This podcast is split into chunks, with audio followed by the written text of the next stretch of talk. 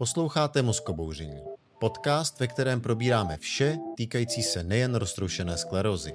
Tentokrát na téma, jak se roztroušená skleróza diagnostikuje. Zdraví vás David Adámek.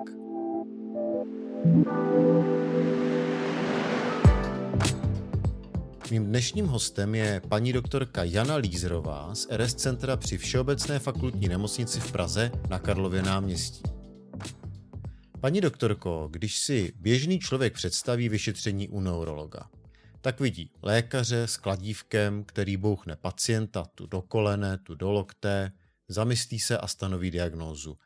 Jak je to ve skutečnosti? No, z toho, z toho neurologa je asi opravdu nejvýraznější to kladívko, ale pro neurologa samotného je nejdůležitější jeho myšlení. To myšlení je strukturované a, a týká se vlastně všech možných eh, systémů, které ovládají naše tělo. Takže neurologický systém nebo nervový systém je eh, složen z mnoha podsystémů, z jednotlivých funkcí, ať už je to třeba ovládání hybnosti, motorika nebo Eh, čití to, jak cítíme, eh, jestli nás něco bolí nebo pálí, nebo jestli cítíme dotek, eh, jak koordinujeme svoje pohyby a tak dále. A vlastně to neurologické vyšetření je taková sestava otázek a odpovědí. Každý manévr, který já dělám s tím lidským tělem, je otázka, kterou se ptám na to, zda ten systém, který zrovna vyšetřuji, zda funguje. Takže když dám pacientovi eh, ruce dopředu, eh, před tělo a požádám ho, aby eh, se dotkl jedním prstem špičky nosu, tak já se ptám toho těla, aby mi ukázalo, jestli funguje jeho koordinace, která je řízena mozečkem.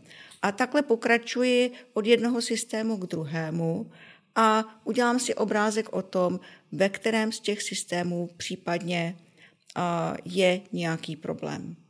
A to kladívko je jenom jeden z drobných nástrojů, který máme. My máme i špendličky a my někdy i ladičky. My děláme různé nepříjemné věci, ale nikdy to není uh, příliš hrozné. To znamená, že to, co jste zmínila, je tak říkajíc běžné vyšetření neurologem, které potká každého, kdo neurologa navštíví? No určitě, neurologické vyšetření eh, je naprosto základním nástrojem neurologa. Ty všechny ostatní metody, které rádi používáme, ty pomocné vyšetřovací metody, skutečně jsou pomocné. To naše vyšetření vlastně začíná eh, ve chvíli, kdy pacient vchází do místnosti a já vidím, jak se pohybuje jak si sedá, jak eh, používá končetiny. Už v té chvíli já mám nějakou základní představu, jestli je tady velký nebo malý nebo žádný problém. Už v té chvíli já vnímám, jestli se s tím tělem něco děje. Další vyšetření je vlastně eh, potom se odvíjí od toho, co mi pacient řekne, vlastně od té anamnézy. Eh, velice málo kdy jde člověk k neurologovi jen tak, aby ho zkontroloval od hlavy až k patě. Většinou přichází pacient um, s nějakou konkrétní otázkou, s nějakým konkrétním příznakem, ať už je to bolest hlavy nebo brnění uh, palce u pravé horní končetiny nebo bolest střílející uh, po straně nohy. Vždycky to je nějaká konkrétní, konkrétní příznak a od toho se samozřejmě odvíjí potom i to moje myšlení a to, jak toho pacienta budu dále vyšetřovat. Takže samotné základní neurologické vyšetření, o kterém jste mluvila, nestačí pro stanovení diagnózy. No určitě ne. A vlastně po tom prvním příznaku zánětlivého onemocnění typu roztroušené sklerózy může dojít ke kompletní úpravě. A na tom těle já nemusím najít vlastně vůbec eh, žádnou abnormalitu nebo naprosto spornou abnormalitu. Takové vyšetření mi samozřejmě nestačí k rozhodnutí, zdali se uh, něco dělo nebo ne. Ta anamnéza, to, co mi, jak mi pacient popíše, tu epizodu, která se dělá, tak ta samozřejmě je důležitá. Jak to, jak to nastoupilo, třeba to brnění, nebo nějaká porucha hybnosti, nebo porucha koordinace, nebo dvojité vidění, nebo něco, nějaký takovýhle příznak. Ten popis samozřejmě je také důležitý, ale já už potom v tom prvním vyšetření pokud došlo ke kompletní úpravě, tak já nemusím najít žádné známky eh, postižení na tom těle.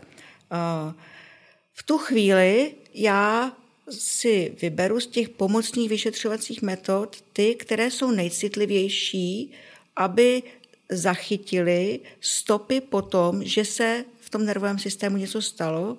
A těmi mými základními metodami, které určitě použiji, je za prvé magnetická rezonance, ale potom i mohu použít třeba evokované potenciály, například zrakové evokované potenciály nebo somatosenzorické evokované potenciály.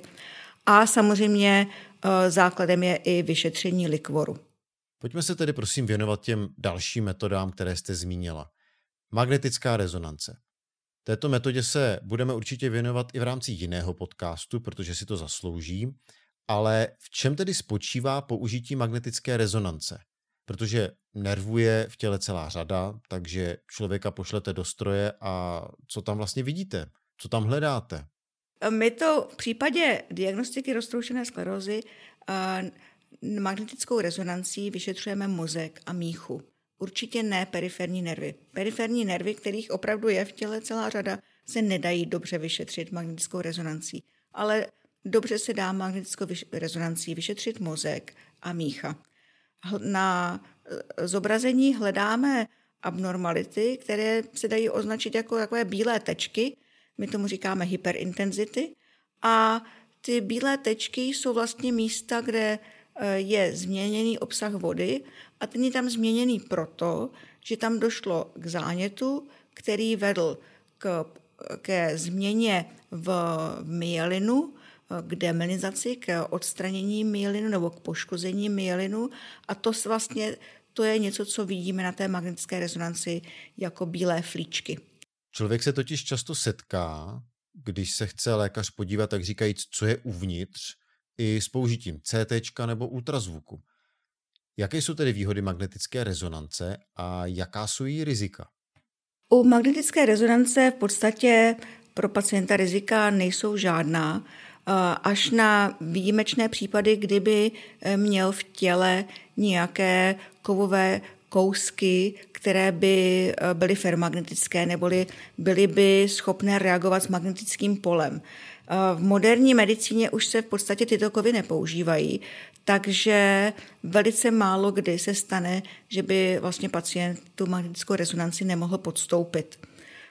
Magnetická rezonance je v tomto velice výhodná, protože není, ne, nevystavuje tělo žádnému záření, jako v případě uh, CT.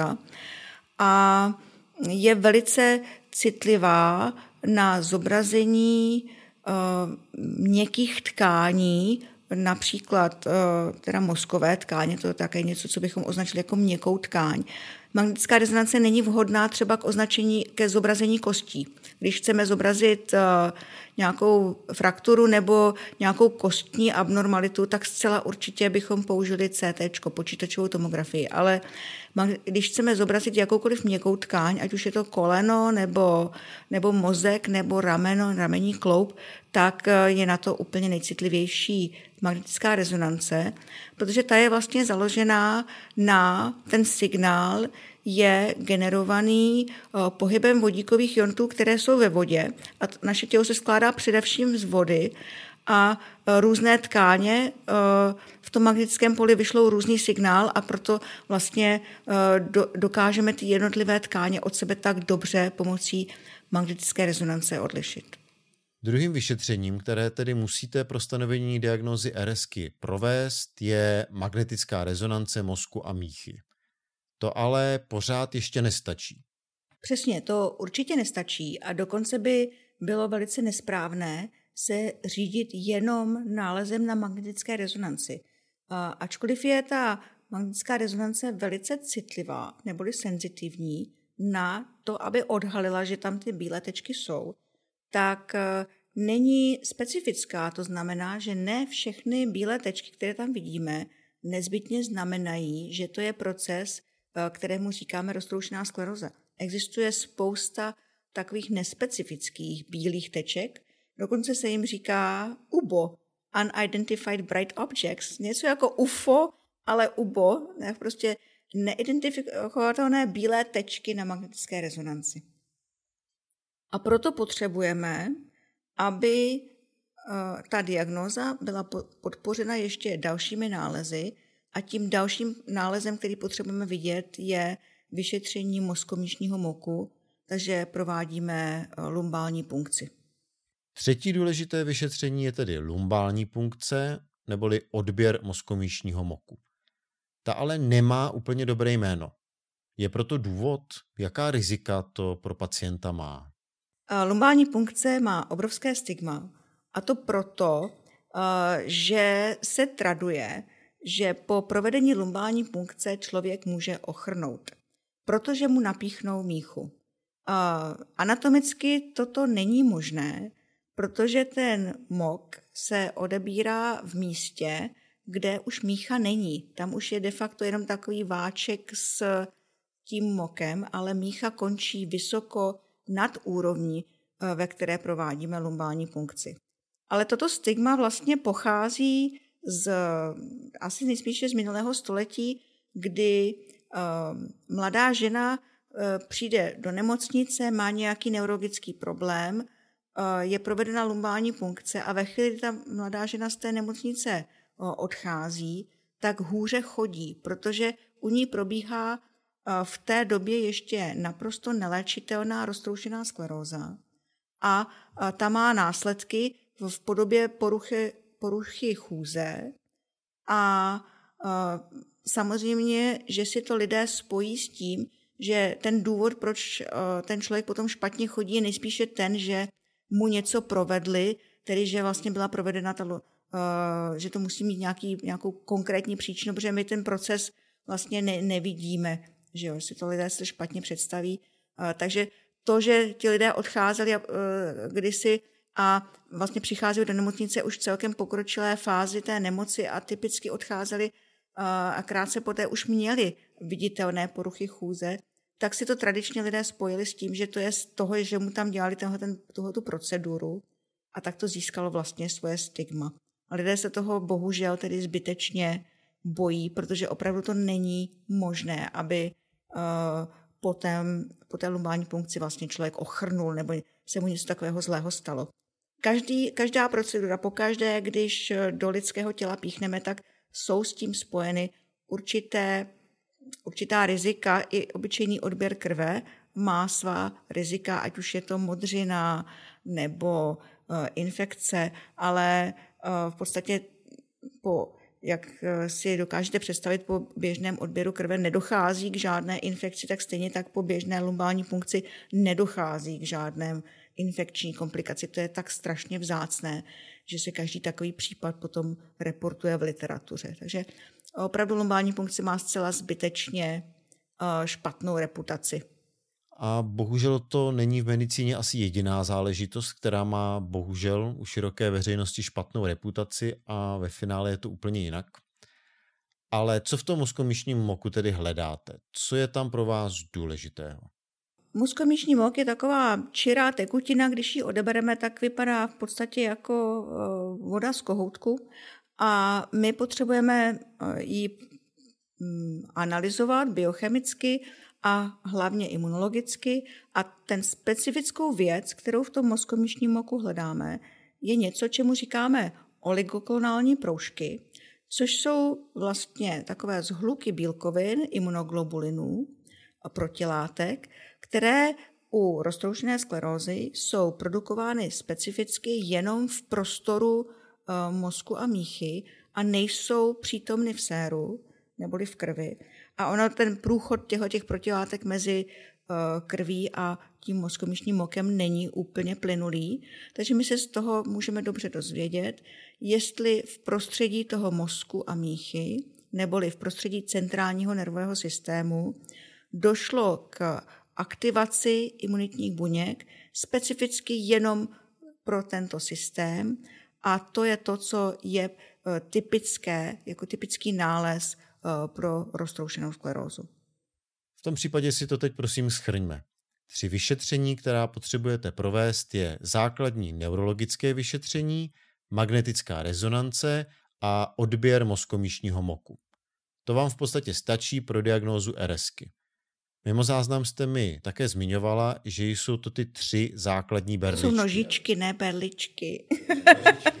to jsou, ta diagnóza roztroušené sklerózy je postavená na třech pilířích a těmi pilíři nebo nožičkami je ta klinická informace, ta epizoda neurologických příznaků, které vedly, eh, které dovedly vlastně pacienta k neurologovi, pak nález na magnetické rezonanci a tím třetím podpůrnou, tou třetí podpůrnou informací je nález v likvoru. Já mohu to tělo vyšetřovat ještě dalšími metodami. Já se mohu dívat na to, jak funguje třeba Eh, zrakový systém a otestovat jeho funkci eh, pomocí zrakových evokovaných potenciálů, kde vlastně hledáme, jestli signál, který eh, vyšleme do oka a snímáme jeho odezvu elektrodami na povrchu hlavy, tak zda ten signál není zpomalený nebo snížený a podobně. A to by nám ukázalo, že někde v té zrakové dráze je eh, eh, léze, eh, která, je, která vlastně způsobuje zpomalení toho signálu. To je jedna z pomocných vyšetřovacích metod. Já mohu podobným způsobem vyšetřovat i dráhy citlivosti, pomocí tzv. somatosenzorických eh, potenciálů, kdy opět vyšlu nějaký signál v končetině a snímám jeho odezvu v mozku na pomocí elektrod umístěných na povrchu hlavy a koukám se na to, jestli ten signál není zpomalený, opět proto, že by v té dráze byla nějaká léze, typicky demonizační, která ten signál zpomalila. Takže jsou ještě další vyšetření, která se běžně používají jako pomocná? Roztroušenou sklerózu dnes diagnostikujeme v mnohem časnějších eh, stádiích než kdy dříve. A to znamená, že naši pacienti eh, mnohdy nemají eh, žádné závažné postižení a dokonce i skoro žádné měřitelné postižení na běžném neurologickém vyšetření. Ale my potřebujeme monitorovat tu nemoc, abychom byli schopni se ujistit, že jsme vlastně pacienta tou léčbou stabilizovali. A proto používáme různé podrobnější testy, abychom měřili vlastně jednotlivé funkce toho lidského těla. U roztroušené sklerózy je často postižena chůze a my dokážeme to postižení chůze monitorovat pomocí Eh, měření rychlosti chůze. To provádíme v takzvaném Time 25 Foot Walk testu, neboli v měření rychlosti chůze na eh, vzdálenost 25 stop, což je asi nějakých 8,8 metrů. Že to, je ta, to jsou ty dvě pásky, které máme přilepené na chodbě a e, vyzveme pacienta, aby prošel tuto vzdálenost co nejrychleji, ale bezpečně a měříme e, těch pár sekund, za které to e, projde. Dalším testem, eh, který používáme, je měření obratnosti eh, horních končetin, které měříme pomocí něčeho, čemu se říká nine-hole pack test, neboli devítikoličkový test, kdy vezmeme pacienta, aby přesouval devět kolíčků z, z postavených do takových zdířek do mističky a zpátky a měříme pro každou končetinu pravou a levou, jak rychle eh, se mu to podaří. Takže to je vlastně taková obratnost, zároveň to je, eh, eh, reflektuje čítí v prstech a celkovou sílu a koordinaci té končetiny. Dalším testem, který používáme, jsou eh, psychologické testy, eh, které monitorují vlastně kognici, eh, úroveň pozornosti a rychlost myšlení, ale zároveň také trochu zrakové funkce. A tím je něco, čemu říkáme Single Digit Modality Test, SDMT, což je vlastně test, ve kterém pacienti párují znaky a čísla a přepisují je podle vzoru na, na, na řádce těch znaků a počítá se, kolik těch znaků vlastně zvládnou za ty dvě minuty takhle spárovat. Máme ještě další testy. Eh, které by vyšetřovaly třeba psychologické funkce, to je sčítání eh, čísel diktovaných eh, v rozsahu asi 3 sekund. To je docela náročný test. My, když to sami na sobě zkoušíme tyto testy, tak se strašně dobře projeví, kdo je po službě a už to skoro nedává a kdo, a kdo se naopak dobře vyspal a už měl svoji ranní kávu. Paní doktorko, já také prozradím, že vaší takovou srdcovou metodou je takzvaná OCT, optická koherenční tomografie. Můžete nám popsat, o čem to je? Určitě. Optická koherenční tomografie, neboli OCT, je vyšetřovací metoda, která nám umožňuje zobrazit oční pozadí, nebo spíše strukturu sítnice, eh, která je eh, vlastně vývojově ta sítnice patří k centrálnímu nervovému systému neboli k mozku. A jsou na ní nervové struktury, které patří k, těm, k té zrakové dráze mozku. A představte si, že já se pomocí té optické koherenční tomografie mohu podívat na sítnici a vidím tam, vidím tam de facto nervovou strukturu. Mohu to udělat neinvazivně, toho oka se ani nedotknu a během pár minut eh, se mohu vyšetřit, jak se vlastně té nervové struktuře daří. To, co nám ta nervová struktura odhaluje, je, zda je postižena jednak přední část zrakové dráhy, což znamená uh, zrakový nerv. A k takovému postižení dochází třeba při zánětu zrakového nervu. Uh, zánět zrakového nervu je velice běžná epizoda v průběhu roztroušené sklerózy. Může to být prvním příznakem roztroušené sklerózy a e, to OCT, ta optická koherenční tomografie, nám umožňuje e, změřit, jak velkému postižení došlo, zda to postižení je typické pro roztroušenou sklerózu nebo netypické. Pokud by bylo netypické to poškození, tak by to mohla být například uh, součást, ta, ta, ten zánět zrakového nervu by mohl být součástí jiného onemocnění, které je podobné roztroušené skleróze, léčí se jinak. Takže to OCT opravdu je velice užitečným nástrojem, jak uh, tyto věci od sebe odlišit. Zároveň nám ta zraková dráha dokáže zobrazit i to, co se děje v zadní části mozku, protože ty jednotlivé neurony v té zrakové dráze se navzájem ovlivňují.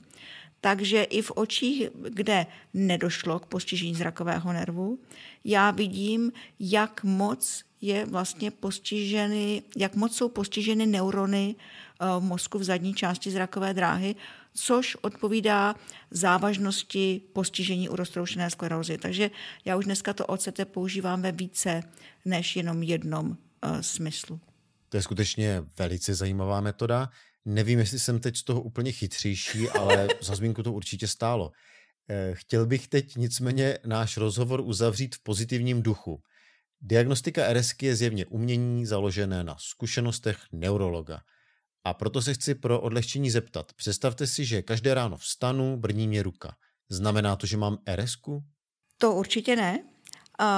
Na to určitě není takhle jednoznačná odpověď. Ale pokud má někdo takový příznak, každé ráno se zbudí a, zbudí a já doufám, že se tady každé ráno zbudí, ale když se prostě ráno někdo vzbudí a brní ho prsty e, na, na ruce, tak je to určitě důvod navštívit neurologa. A to, co ten neurolog udělá při tom neurologickém vyšetření, kterým jsme dneska vlastně ten rozhovor začínali, tak to neurologické vyšetření mu umožní tomu neurologovi rozlišit, zdali to brnění pochází z periferie, třeba z oblasti zápěstí, kdy má někdo karpální tunel, to už je dneska celkem známý pojem, a tím útlakem jednoho z periferních nervů v oblasti zápěstí může dojít k tomu pocitu brnění typicky ráno po probuzení. A nebo pokud ten vzorec toho brnění při tom neurologickém vyšetření je jiný, tak ten neurolog může usoudit, že tedy to není periferní věc, že se to netýká toho periferního nervu, ale že by stálo za to vyšetřit centrální nervový systém neboli mozek a míchu a nepochybně tou metodou, kterou by zvolil, by byla magnetická rezonance. A jsme zase u těch teček. Hostem dnešního podcastu byla paní doktorka Jana Lízerová z RS Centra při Všeobecné fakultní nemocnici na Karlově náměstí v Praze. Já vám moc děkuji za pozvání. Naschle. Posluchače chci také pozvat k návštěvě našich webových stránek, kde se mohou dozvědět více o RSC, ale i k poslechu našich předchozích podcastů. Odkazy na webovky najdete v popisu tohoto podcastu. Naslyšenou příště.